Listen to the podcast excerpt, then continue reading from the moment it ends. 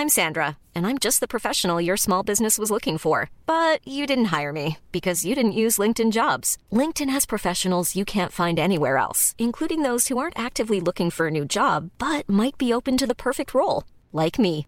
In a given month, over 70% of LinkedIn users don't visit other leading job sites. So if you're not looking on LinkedIn, you'll miss out on great candidates like Sandra. Start hiring professionals like a professional. Post your free job on linkedin.com/people today. Ready to pop the question? The jewelers at BlueNile.com have got sparkle down to a science with beautiful lab-grown diamonds worthy of your most brilliant moments. Their lab-grown diamonds are independently graded and guaranteed identical to natural diamonds, and they're ready to ship to your door. Go to BlueNile.com and use promo code LISTEN to get $50 off your purchase of $500 or more. That's code LISTEN at BlueNile.com for $50 off. BlueNile.com code LISTEN. Velkommen til Tut og mediekjør, podkasten for deg som er nysgjerrig på hvordan journalistikken blir til i våre 223 aviser på nett og papir, og i radionyhetene og på TV. Jeg heter Christian Lydemar Strander. Hvordan får norske medier tak i informasjon og kilder fra utlandet som de vet er helt sanne og sikre og nøytrale? Og særlig når ikke avisene er i landet selv? Det lurer jeg på denne uken. Er det bare tut og kjør i medienes redaksjoner, eller ligger det flere vurderinger bak journalistikken enn det du tror? Og for å få svar på det, så har jeg alltid med meg Eva Sandum. Hei, Eva. Hei, hei. Du er kommunikasjonsrådgiver Ja da. og har sittet 14 år eh, i fengsel, holdt jeg på å si. Nei, i PFU. Pressens faglige utvalg. Pressens faglige utvalg. Ja. Um, og vi skal jo snakke om internasjonale nyheter i dag. Ja. Du har jo vært masse på trykk i internasjonale nyheter. det er sant. Uh, hva, hva er ditt forhold til internasjonale nyheter? Den kom litt spardus på. Vær ærlig nå. Jeg har et anstrengt forhold til internasjonale nyheter. Eh, fordi eh, jeg har erfart at eh, det er veldig lett for norske medier å referere til ting som har stått i andre medier i utlandet. Og da er det akkurat som at de ikke tar det ansvaret selv, for de kan bare si 'dette står i X avis'. Og det har jeg opplevd at det er veldig uetisk, egentlig. Ja. De viderebringer bare ting som ikke er helt eh, på stell. Og siden jeg nå har fått deg utpå, Eva Sandum, så må jo du fortelle hvorfor har du vært så mye i nyhetene? Ja, øh, jeg hadde jo et forhold til en øh, tidligere kronprins. Øh, tidligere fordi han nå er konge. Det er jo så fantastisk, da. Gratulerer med det. Jo, Hvorfor er ikke du dronning, er oppfølgingsspørsmålet. ja, det kan man lure på. Hadde ikke det vært flott? Jo, det hadde det. Tenk det, Eva. Du kunne vært dronning av Spania. Tenk det. Ja, jeg tror jeg har det bedre som jeg har det, faktisk. Eller det er jeg ganske sikker på faktisk at jeg har. Snakker du noe med han? eh, Har dere noen kontakt? Ingen kommentar. Ok. Der, eh, der var det bråstopp. der, der, der var det stopp. Der Der var det. bråstopp. Eh, Jeg, jeg er alltid usikker på hvor, hvor nærme jeg kan komme deg nå, Eva. på Det er lov å prøve seg. Ja, det er det. Jeg syns jeg fikk mye. Eh, Svein Tore Bergstuen, velkommen til deg òg. Takk for det. Du er også kommunikasjonsrådgiver Mm. eh, og tidligere journalist. musiker.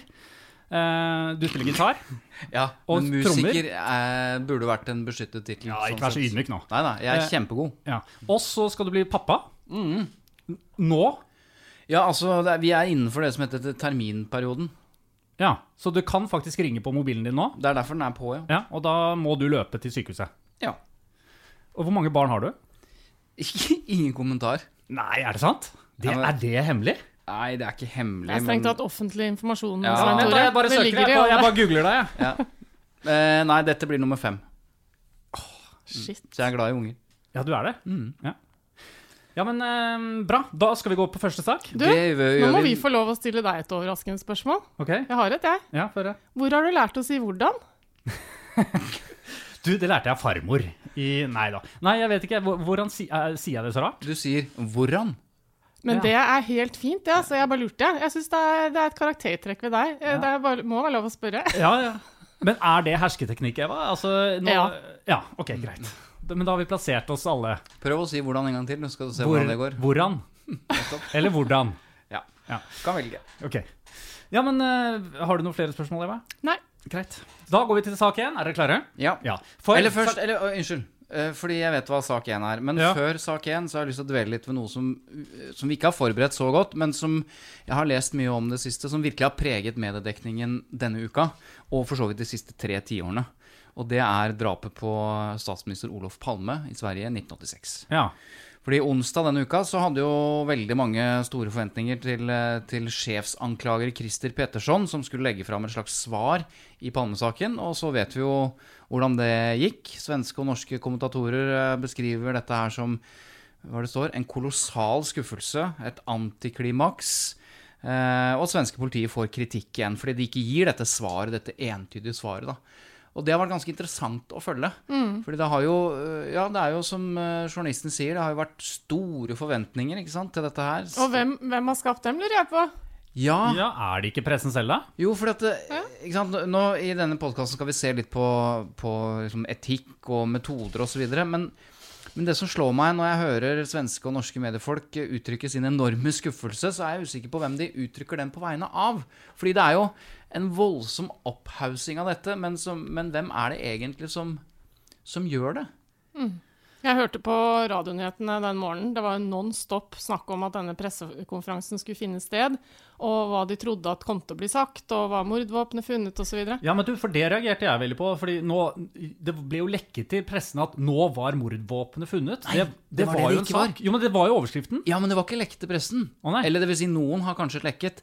Men eh, sannheten er Altså, da Christer Petterson, eh, sjefsanklageren, i februar sa at han trodde han skulle kunne presentere en løsning, så, så ble det spekulert i allerede da. Hvis han sier det, da må jo mordvåpenet være funnet. Men for hvem nå- spekulerte? Avisene spekulerte i det. Ja. Pressen og ekspertene.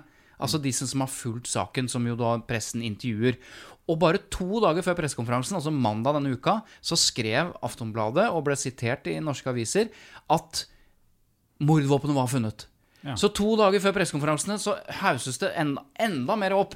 De hadde ikke funnet hvor Nå klarer jeg ikke å si det, da, men dere skjønner hva jeg mener. Ja, Mordvåpenet heter det. Ja, de hadde ikke funnet det. Og så sier f.eks. Eh, norske aviskommentatoren Hilde Sandvik, som jo driver det nordiske nettstedet og podkasten Broen XYZ, veldig bra, så sier hun dette har jo vært hauset opp som at nå var gåten løst, men det kom ikke fram veldig mye konkret, sier hun. Og igjen, det er altså pressen som hauser opp dette. Og det syns jeg på en måte er verdt en refleksjon, for sånn er det i veldig mange saker. At pressen skaper en slags forventning til noe, og når den ikke blir innfridd, så er det pressen også som er veldig skuffa. Ja, Harald Stanghelle var vel også på Dagsnytt 18 Ja. og sa at forventningene var høye, og det var nå vi skulle få fasiten osv. Og, så videre, og var liksom skuffa over at det, det fikk de ikke. Ja, for det, eh, Politiet har jo aldri sagt at de skal få fasiten. Det de har sagt, at de har stor tro på at de skal presentere, eh, presentere hvem som, eh, som de tror har gjort dette. Men det er jo vel litt sånn at pressen også prøver å følge etter folkets skuffelse. Altså, jeg var jo kjempeskuffet. Ja. Jeg trodde jo det skulle være masse mer. Og da når jeg da leser nyheter som sier 'vi er skuffet', så kjenner jeg meg igjen i det. Mm. Ja. Tror du ikke pressen tenker sånn? Jo da, og det er klart, det er litt urettferdig å si at de blir skuffet bare på egne vegne. For det er klart, og, i- og i Sverige så er jo dette et så stort nasjonalt traume og, har vart i 34 år. Sånn at det, det er klart folk er skuffa over at de ikke får noe endelig bevis. Men det er jo noe sånn at de som burde vært mest skuffa, kanskje, familien til Palme, da, de slår seg til ro med dette. De tror på dette, f.eks. Men vi har jo ikke fått noe avslutning. Politiet mente det var den såkalte Skandia-mannen. Eh, og, og alle konspirasjonsteorier blir jo bare, faller jo sammen ikke sant? hvis man skulle tro på dette. Fordi det var en eh, enslig fyr, eh, en kontorist i Sverige, en helt Medel Svensson, som visstnok skal ha vært så forbanna på Palma at han når han traff han, så fant han ut at han skulle skyte han. Og det er noen tilfeldigheter her også som man setter spørsmålstegn ved, som gjør jo at hele saken blir litt Men spørsmålet er har pressens dekning av Palmesaken vært god? Det var vel egentlig det. Ja, da henter du det inn igjen. Ja, jeg, jeg har jo ikke Jeg har jo fulgt den siden 86. eh, Ja, for du er litt nølete på sånne ting, ja, har jeg eh, skjønt. og så har jeg gått etter eh, mye av dekningen, og, og det vi skal være klar over, er at det var enorm kritikk mot eh, han som ledet etterforskningen, Hans Mm. Holmér, allerede samme år, i 1986. Hans Holmer sier det er 95% sjanse for at vi oppklarer dette her, og andre sa at vi kommer til å oppklare det. Eh, pressen og, og, kritikerne var mye mer sånn Bør Hans Holmer i det hele tatt lede den etterforskningen? Han hadde ikke kompetanse til det. Han var jo sjefen. Han hadde jo ikke noe operativ kompetanse. Så han fikk masse kritikk. Eh, mente han burde gå av, osv. Og, så og det viser seg jo nå, for nå når man legger fram dette denne uka her, så sier jo også svensk politi i dag at det var, det var ikke bra, det som skjedde. De låste seg fast i kurdersporet, i Sør-Afrika-sporet, og Skandiamannen eh, etterforsket ikke. Ja, så dette det husker jeg veldig lite av. Ja, ja, altså Pressen har vært veldig på, og de har dekket eh, Palmemordet, eh, så vidt jeg kan bedømme, eh, godt, både i Norge og Sverige, og stilt masse kritiske spørsmål. Men de har også latt seg lede av alle disse andre sporene og, og, og, konspirasjonsteoriene, og de har jo skrevet om alt dette. Ja. Men kritikken, den berettigede kritikken mot svensk politi, den har blitt framført av både norske eller kommentatorer og svenske. Og det er jo det som er viktig at pressen gjør. Så i den grad vi skal eh, liksom, konkludere med hvordan pressen har gjort jobben sin, så er jo det, det er akkurat det de skal være liksom, kritiske mot uh, politiets arbeid. Akkurat som uh, man uh, ser nå i Scandinavian Star. Eh, man kan diskutere i Baneheia-saken, alle sånne store kriminalsaker. ikke sant? At eh, noen eh, ettergår om det faktisk har blitt gjort et ordentlig arbeid. da. Ja, og så får man heller leve med at pressen skaper oppmerksomhet rundt sin egen dekning ved å hause opp denne saken og bli ja. fryktelig skuffa etterpå. Det ja, er for så vidt en del av dynamikken. Ja. Kan jeg gå videre nå med sak én uten å bli avbrøtet? Avbrutt? Avbrytet. Avbrøtet. Ja, ja jeg syns du skal prøve det, i hvert fall. Ok, sak én. På gata i Buffalo i delstaten New York så står det en eldre mann i blå skjorte og blå jeans og munnbind. To politimenn med køller og pleksiglass dytter ham så han faller, og du ser det kommer blod fra hodet hans. Tilstanden er i dag alvorlig, men stabil. Og nyheten den ble slått stort opp her i Norge og presentert som nok et eksempel på politivold. Men så kommer Donald Trump og sier at 75-åringen antageligvis falt med vilje. Og når jeg leste det, så begynte jeg med en gang å tenke på OK, her har jeg hele uken fått presentert saken som at dette var politivold. Nok et eksempel. Eh, og så plutselig kommer Donald Trump inn med den motsatte ideen om at det faktisk kan være en annen sannhet ved det. det Men det har jo ikke jeg fått presentert i norsk presse. Så det, det, det, er jo det som jeg lurer på nå. ikke sant? Hvordan takler og behandler norsk presse eh, nyheter som kommer fra utlandet, og som skal presenteres for meg? Hvordan kan jeg være, vite at det er ekte, riktige, nøytrale nyheter og sannheten? Jeg syns jo spørsmålet ditt er helt sentralt. Takk. Eh, jeg, jeg, bare ville ikke brukt Donald Trump som et slags bevis på at uh, den videoen vi alle har sett, ikke er sann. på en måte. Men jeg, jeg, der, har vi, der, har vi, to ting å diskutere, sånn sett. men, men, men, spørsmålet er veldig, veldig, spennende. Det er en veldig sånn akademisk ting å si. Alltid ja. kommentere på spørsmålet. Det merker jeg at det irriterer jeg meg litt over når jeg hører på andre podkaster. Oh, ja. At folk Nei, får et spørsmål, og så første de svarer, er Eh, det er Bra spørsmål. Og så liksom kjøper de seg tid til å tenke. Når jeg hører det nå, så er det kanskje en hersketeknikk også. Eh, men, men det verste var at jeg ble, jeg ble, jo veldig stolt av at jeg hadde et bra spørsmål. Ja, for det er meningen. Det er det som er poenget. så jeg slappet litt av, faktisk. Så da lurte jeg ikke så mye lenger. Okay. Men det er et sentralt spørsmål, eh, og det er dette vi nå skal ta, ta for oss. Hvordan, hvordan norske medier dekker utlandet, rett og slett, og hvordan de får tak i kilder og materiale osv. Mm. Jeg har snakket med Sigurd Falkenberg Mikkelsen, og du som hører på, har kanskje hørt navnet hans før, for han har vært korrespondent i NRK i mange år, rapportert fra Midtøsten osv. Nå er han utenrikssjef i NRK. Det er han uh, som vi ser ofte, som har litt skjegg og ganske lyst hår, uh, blond, ja. uh, som er Ja, ikke sant? Reporter i ruta, ja. på en måte, ja. fra krigen ofte. Jeg har sett han, jeg òg. Nå sitter han trygt på Marienlyst eh, og er utenrikssjef. ja, han... fordi når du blir sjef, da er du ikke ute lenger. Da, da sitter du bare hjemme og da sitter du innerst inne i korridoren, på det innerste rommet der. Og ja, og så, ha, og så har han bare kjempelyst til å reise ut igjen, sikkert. Ja, ja, ja, ja. Men eh, det spurte han ikke om. Men eh, han forklarer litt eh, at det er flere kilder eh, som de bruker når de skal skaffe seg den informasjonen du spør om, eh, Christian, når de ikke selv er til stede det viktigste for oss er jo å være til stede. Altså, det er på en måte det vi prøver på. Det er det vi i NRK gjør eh, så mye vi kan. altså Være til stede i felt for å få de genuine reportasjene. Eh, men så er det jo, som du sier, eh, veldig mange saker hvor vi ikke har anledning til å være til stede, eller ikke slipper inn Og Da må vi jobbe litt annerledes. Hovedleverandør av informasjon er jo, sånn har vært fra gammelt er jo nyhetsbyråene. Og så har det akselerert veldig med, først med internett, og så med sosiale medier. Som gjør at vi nå forholder oss til en helt annen virkelighet. Hvor vi også har veldig lett tilgang på andre internasjonale medier eller lokale medier som går an å følge med på, altså som er nært opptil stedet hvor hendelsen finner sted. Og så har du selvfølgelig da sosiale medier som, og brukere og videoer av vitner som har vært til stede. Og så prøver vi også de gangene det er mulig å ta direkte kontakt med kilder i de landene som gjelder, som vi f.eks. gjør en del inn mot Syria. Og da bruker man telefon eller WhatsApp eller, eller andre, mulige, altså andre, andre kontaktformer. da. Men Falkenberg Mikkelsen forteller jo det at det er nyhetsbyråene de da lener seg på. Ja, altså De er på en måte grunnsteinen i nyhetsjobbingen vår. Uh, de er jo etablert for, i, altså, i massemedienes uh, spede barndom og har ligget der siden.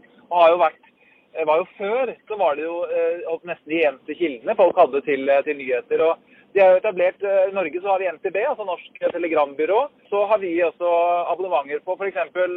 store internasjonale byråer som franske AFP eller Reuters, som opererer litt på samme måten, og som da har et nett nettverk av lokale korrespondenter som rapporterer inn til et lokalkontor, som igjen rapporterer til et regionkontor, og så til et hovedkontor, som igjen på en måte distribuerer informasjonen uh, globalt.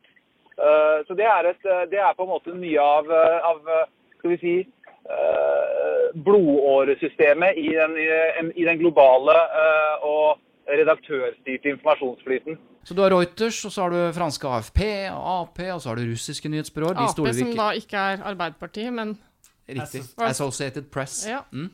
Og så har du russiske nyhetsbyråer, f.eks., som vi av og til hører fra. Itar Tass og sånn. De stoler vi ikke så mye på. Jeg blir jo litt overrasket når jeg hører at sosiale medier likestilles som en kilde i forhold til et nyhetsbyrå. Men, men det, er, det, er, selvfølgelig en vekting internt her som man ikke snakker om her. Ja, og så er det jo mye mer kildekritiske eh, når de eh, plukker opp saker på sosiale medier. ikke sant? Fordi det er jo da folk som legger ut ting, og som kan ha grunn for å ville fremme en side av en sak og sånn.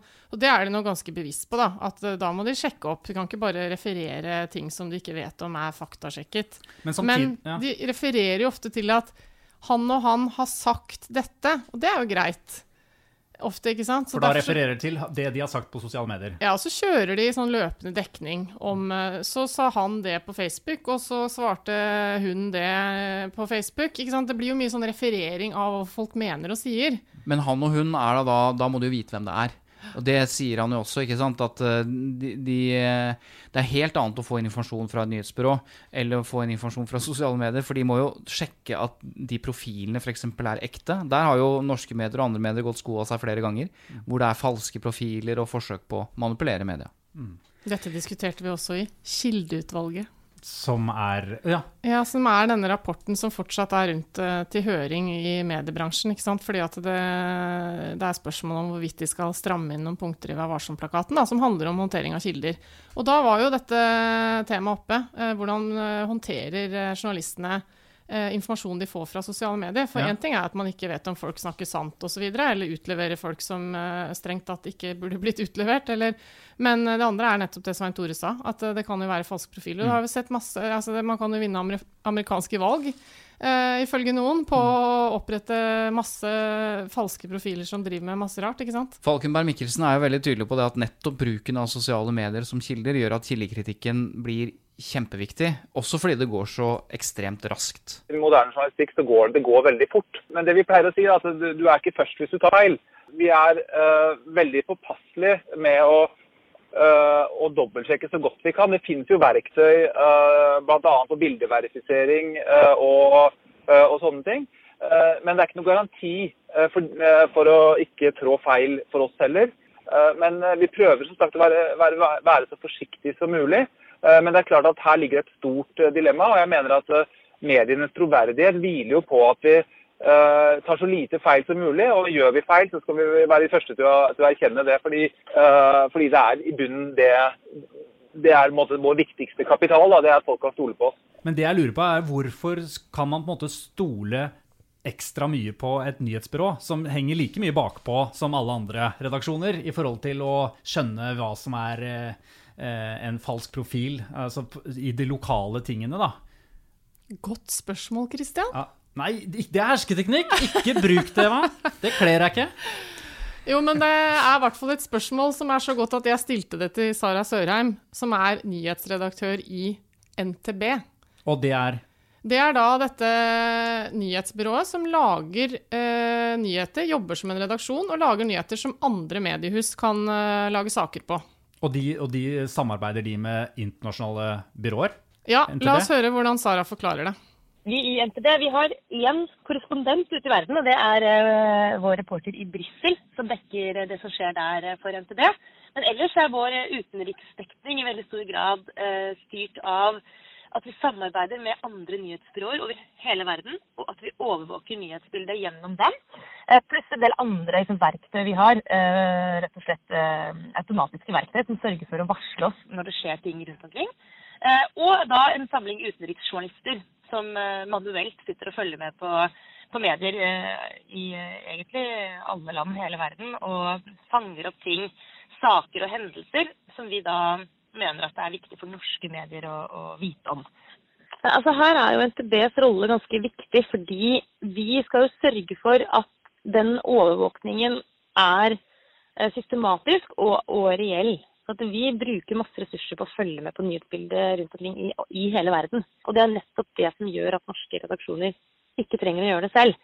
De, de, skal kunne stole på at hvis det skjer noe utrolig viktig i et land som de kanskje ikke har rettet blikket sitt mot, så vil de få en beskjed fra NTB. Da vil vi dekke det og varsle om det. Så jeg oppfatter jo her at nyhetsbyråene uh, er sjekker enda mer enn en vanlig redaksjon gjør. Og Derfor så kan jeg stole mer på nyheter som jeg, som jeg huker inn fra et nyhetsbyrå. Jeg vet ikke om det er riktig å si at de sjekker enda mer, for det insinuerer at andre medier ikke sjekker godt nok. Det var men, det Sara nå, Søren. Nei, men det de sier, er at de er mer eh, De er mer sobre, de er mer edruelige, de er mer de, de, har et veldig ansvar, og, de, og det betyr at de løper ikke av gårde med masse forskjellige rare vinklinger og klikk de trenger ikke klikk. Og de driver ikke så mye kommentarjournalistikk. ikke sant? De driver løpende nyhetsdekning i mye større grad. Og heller mm. ikke intervjuer uh, med folk, sånn portrettintervjuer og sånn. Så du spør kan man stole mer på nyhetsbyråer.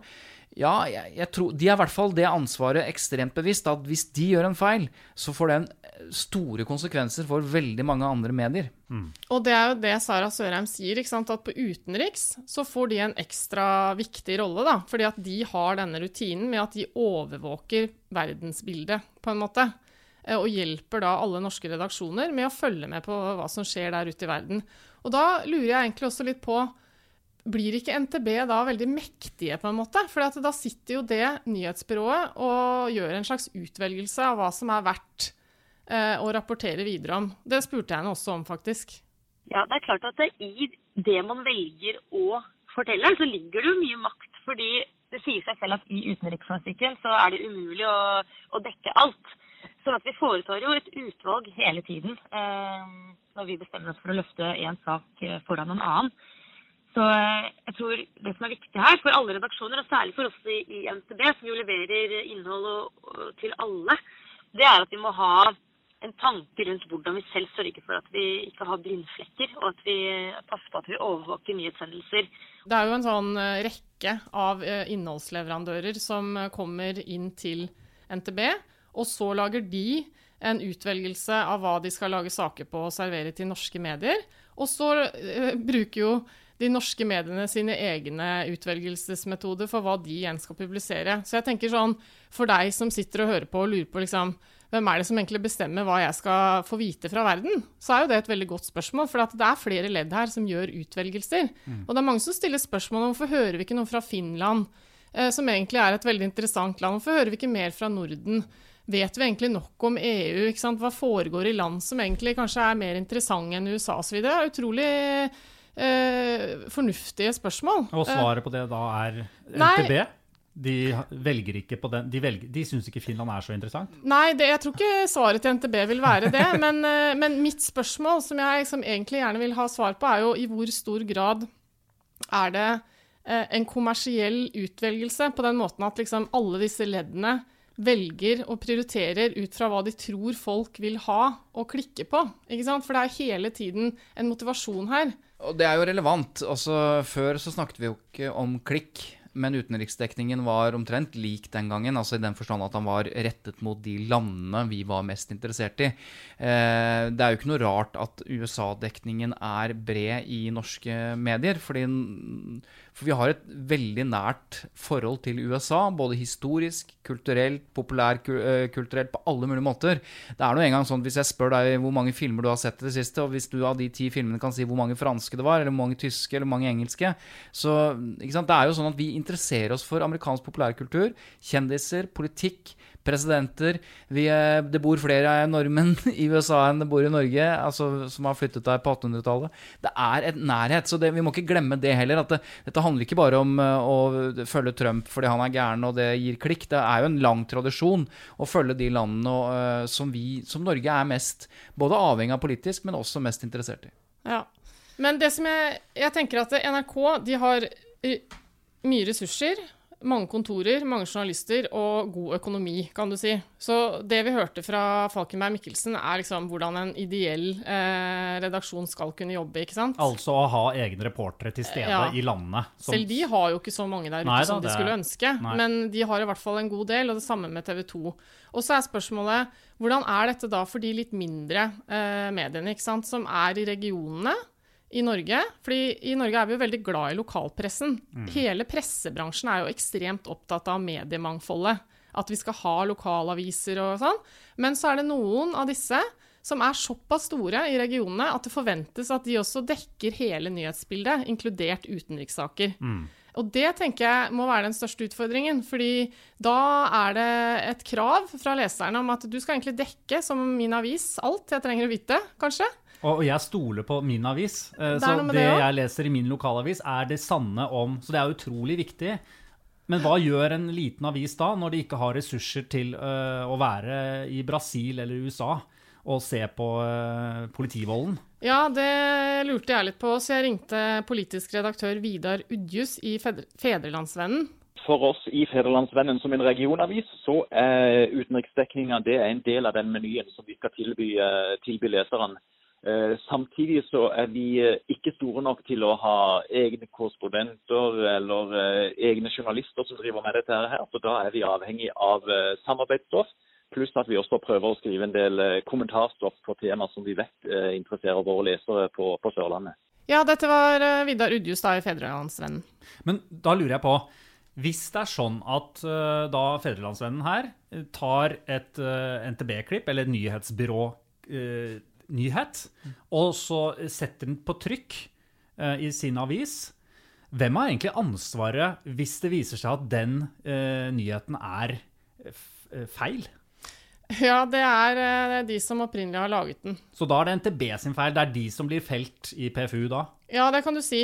Men det som er interessant, er jo Dette har vi hatt mange saker om i Pressens faglige utvalg. fordi at da kan jo klageren både klage på VG hvis de har liksom, videreført det presseetiske bruddet, og NTB. Men det er jo NTB sitt ansvar. Det var derfor Sara også fra NTB i stad sa at hun er utrolig opptatt av det nettopp fordi at de ser det ansvaret. Så, så, så Federlandsvennen her har ikke noe, noe, ansvar egentlig for å sjekke ut det de setter på trykk? Det har de. Jo da. Alle redaktører har ansvaret for det de setter på trykk i sin avis. Men det er jo sånn ikke sant, at det begås jo uh, etiske og presseetiske overtramp hver eneste dag som ikke kommer til Pressens faglige utvalg.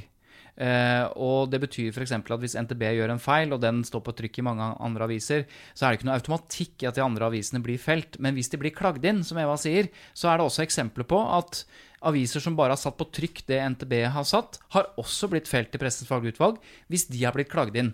Så de har ansvar, men, det, men feilen ligger hos NTB.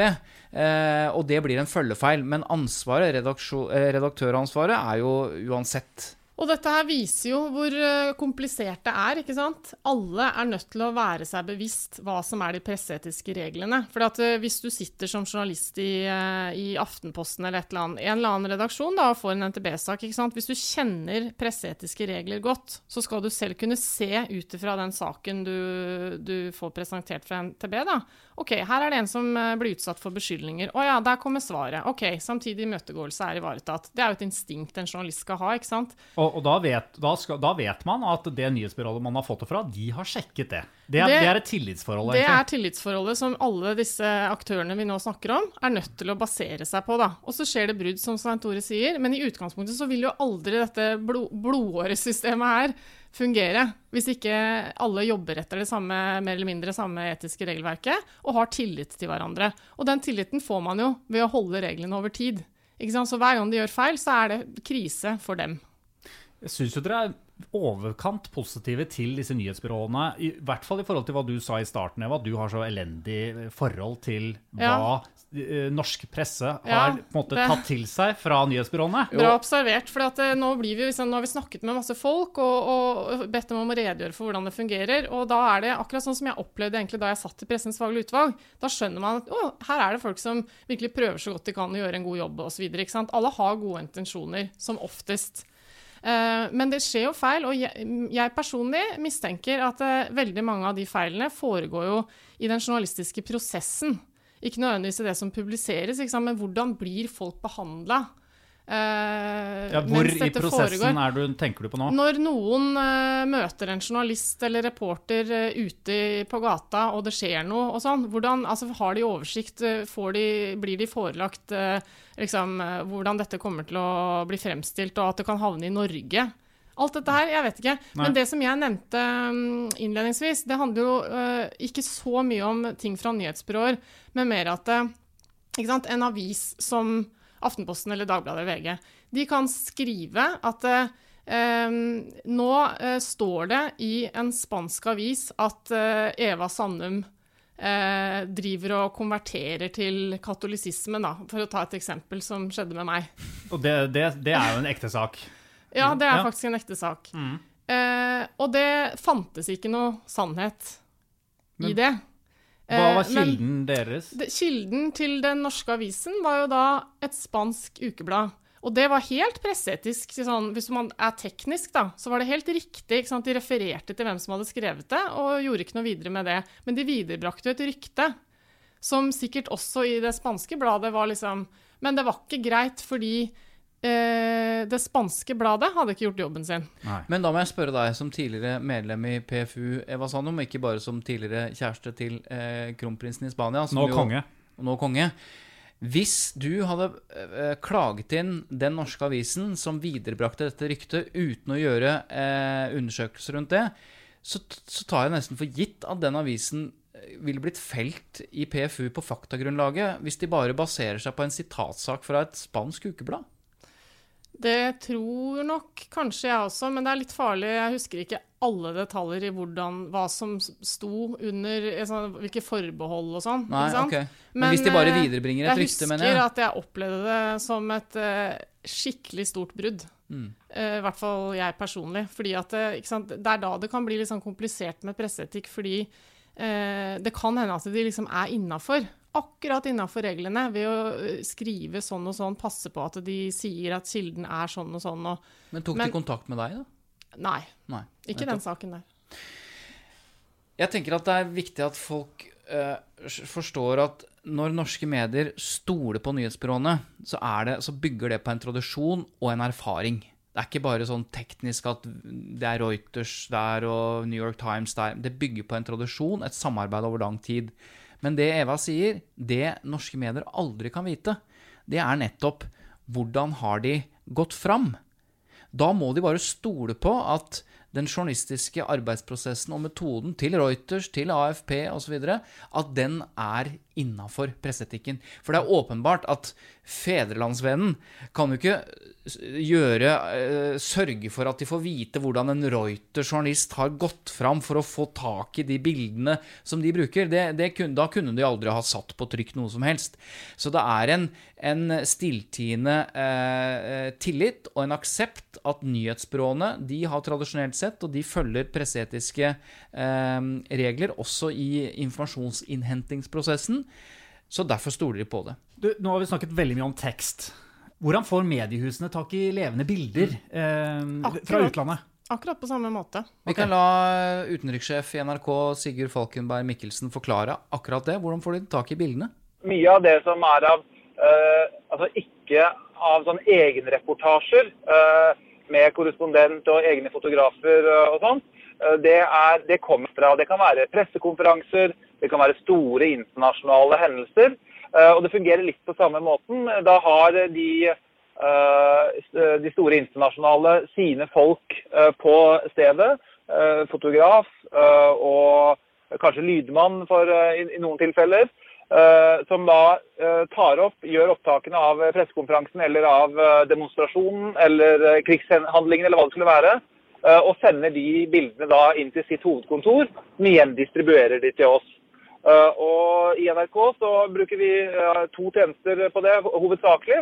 Eh, Det er Reuters og APTN, som er på en måte våre hovedleverandører av, av bildenyheter internasjonalt. Ja, Og da er det vel sånn at hvis vi ikke ser en, en, et NRK-tryne, så er det sånne bilder. Ja, det kan du ta deg eh, på. Ja. At eh, hvis de har sendt en reporter, eller bruker en korrespondent i en reportasje, så vet du det, fordi da vil det alltid være en såkalt standup. Da står det en NRK med en blå NRK-reporter Ja, Da prøver han ikke å være morsom. Det er ikke derfor Det, han det er derfor han skal, må bare vises billig, Ja. så, så, han, så vi skjønner at han er der. Det er helt riktig. Ja, ja, ja. Eh, ofte kan du se at de standupene, spesielt i de ferdig lagde reportasjene, eh, tilfører ikke alltid noe merverdi. Det er bare at vi ser at oi, NRK er der. Det, det, det mener NRK, og det mener vel de som ser på også. Tilfører en, et ekstra lag av tillit, ikke sant? fordi vi har vært på bakken. Mens som Eva sier, når du ikke ser det trynet, du bare ser eh, utenriksstoff som på en måte Det er levende bilder, men vi ser ikke noen reportere, ja, da er det fra disse bildebyråene. Ok, Så når vi ser dette NRK-fjeset, så veit vi hvor skattepengene går. Det er en slags bekreftelse på det. Er det kritikk? Er det bare fakta? Det er en kommentar. Kommentar, ja! Da er det greit. Da går vi videre. I'm Sandra, and I'm just the professional your small business was looking for. But you didn't hire me because you didn't use LinkedIn jobs. LinkedIn has professionals you can't find anywhere else, including those who aren't actively looking for a new job but might be open to the perfect role, like me. In a given month, over 70% of LinkedIn users don't visit other leading job sites. So if you're not looking on LinkedIn, you'll miss out on great candidates like Sandra. Start hiring professionals like a professional. Post your free job on linkedin.com/people today. Burrow's furniture is built for the way you live. From ensuring easy assembly and disassembly to honoring highly requested new colors for their award-winning seating, they always have their customers in mind. Their modular seating is made out of durable materials to last and grow with you. And with Burrow, you always get fast, free shipping. Get up to 60% off during Burrow's Memorial Day sale at burrow.com slash ACAST. That's burrow.com slash ACAST. burrow.com slash ACAST. Er dere klare for sak to? Ja. Ja. Eh, og det er nettopp det at jeg legger ofte merke til at pressen stadig maser om eh, åpenhet og offentlighet. Alt skal være åpent, de skal få tak i ethvert dokument som finnes der ute. Eh, og mye av dette er selvfølgelig veldig bra. Men noen ganger så tenker jeg også å utnytte norsk presse det litt for mye til at det blir bare grafsing og eh, utlevering. F.eks. dette her med, eh, dette med offentliggjøring av søkelister til viktige jobber. Åh, ja. I det offentlige. Det I det offentlige jeg- Nei, ja, men overalt. Ja, men det Er er, det jo det det? offentlige Det er Det er bare i det offentlige. Ok. Ja, ok. Nei, men bare Å, dette er en sak jeg brenner litt for. ja, ja, så bra. Uh, Da har du én sak du brenner for. Kjempebra, Eva. Men det er veldig viktig å finne sin sak. Det er veldig bra. dette er den saken hun har valgt. Offentlige søkerlister. Så du turnerer jo litt rundt med den saken Og jeg kommer ikke til å klare å få med noen eh, på dette engasjementet, antagelig. Jo da, men vi skal prøve. Men du, la, la oss bare først rydde litt her nå. Eh, Hva er først loven her på hvor åpent ting skal være? Ja, utgangspunktet er eh, klokkerent. Altså, hvis du søker på en stilling i det offentlige, så må du også regne med at eh, det kan bli gjort kjent at du søker på den. Altså, søkerlistene er per definisjon offentlig når det skal utlyses en, eh, en stilling. Og hensikten med den offentligheten i utgangspunktet er vel for at man skal kunne ettergå at disse ansettelsesprosessene foregår som de skal, ikke sant? Ja, og i, i et overordnet perspektiv så handler det om å, at man skal ha anledning til å kontrollere bruken av fellesskapets midler. Alt så langt veldig positivt.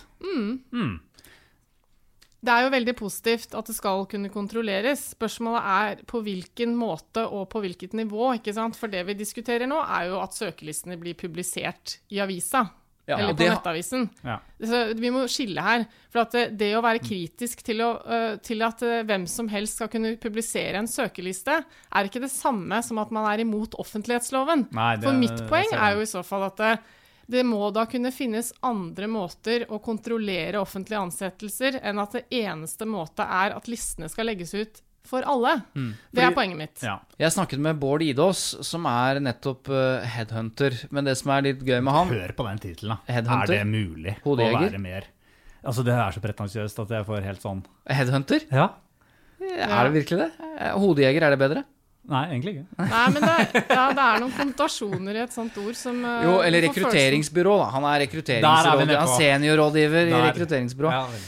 I hvert fall, eh, Bård Idås han har altså lang fartstid i pressen. Han kjenner pressen veldig godt. Vært journalist i Aftenposten, sjef i NTB.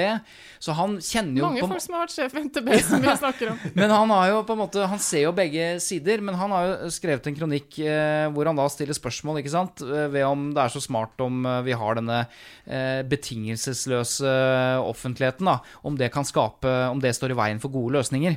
Ja, så Hensynet med offentlighetsloven det er jo å sørge for eh, kontroll og eh, åpenhet og innsyn i demokratiske prosesser. eh, og, for å hindre misbruk, rett og slett.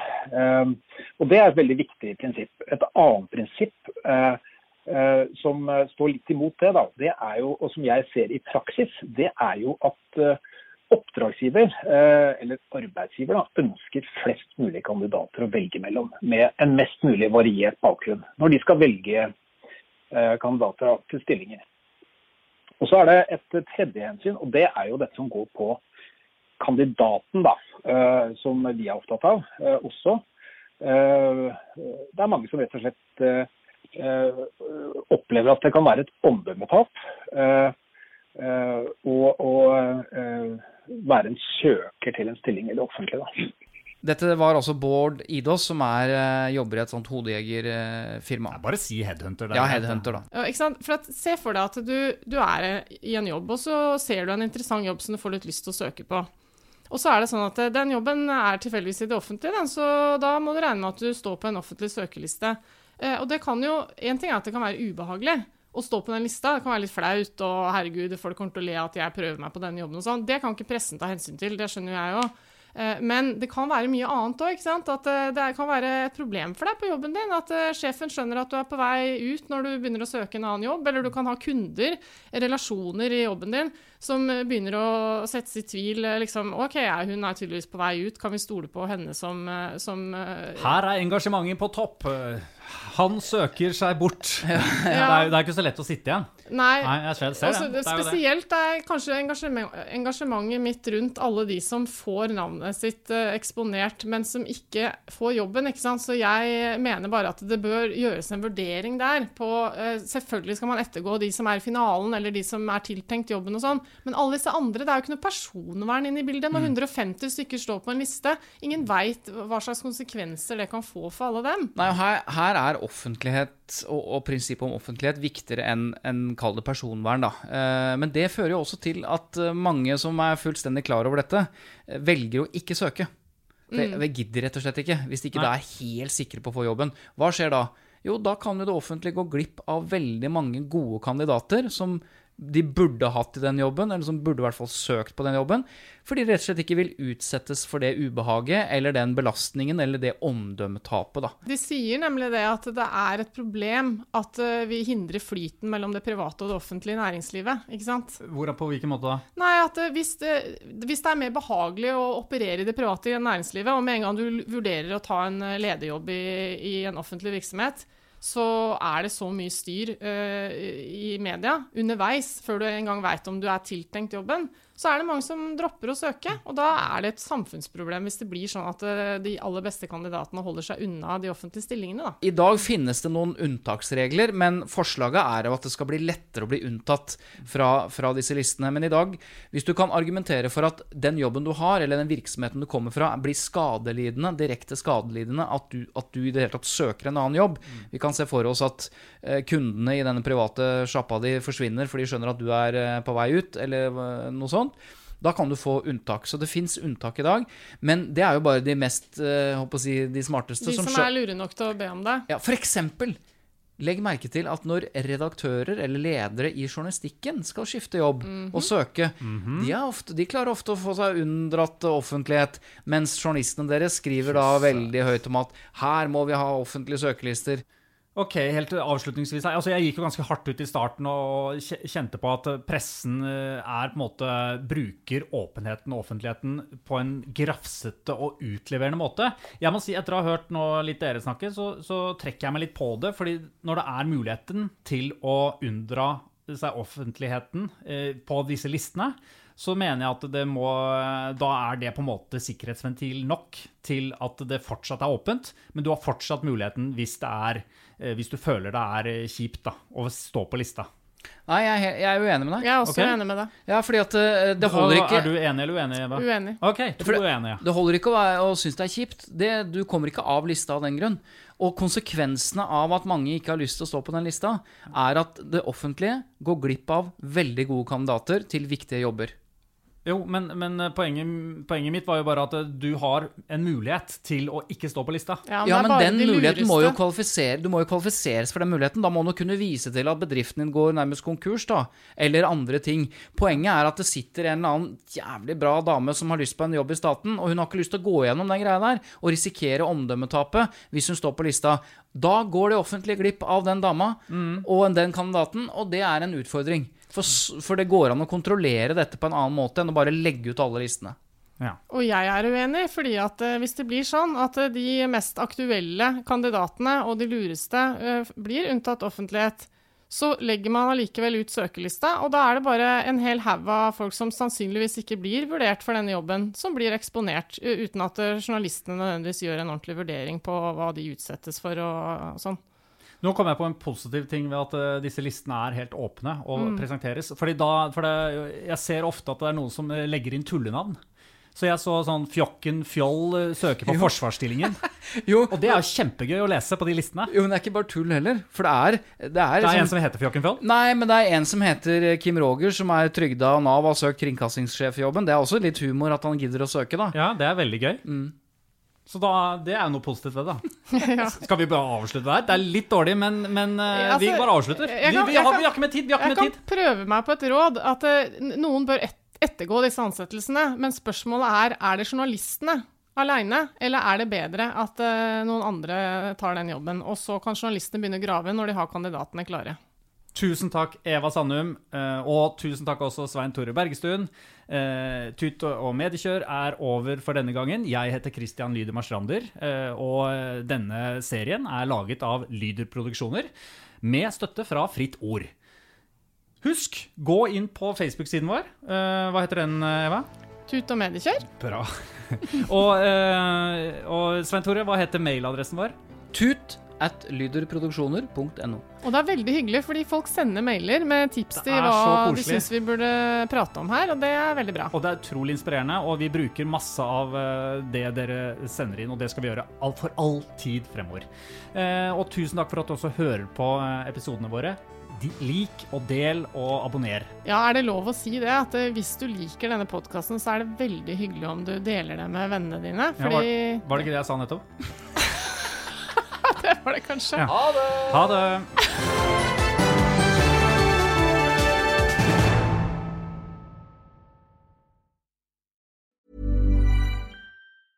A lot can happen in three years, like a chatbot may be your new best friend. But what won't change? Needing health insurance. United Healthcare Tri Term Medical Plans, underwritten by Golden Rule Insurance Company, offer flexible, budget friendly coverage that lasts nearly three years in some states. Learn more at uh1.com. Planning for your next trip?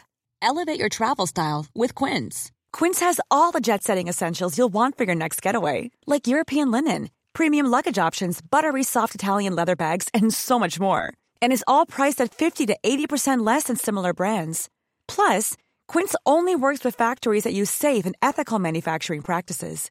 Pack your bags with high-quality essentials you'll be wearing for vacations to come with Quince. Go to quince.com/pack for free shipping and 365-day returns.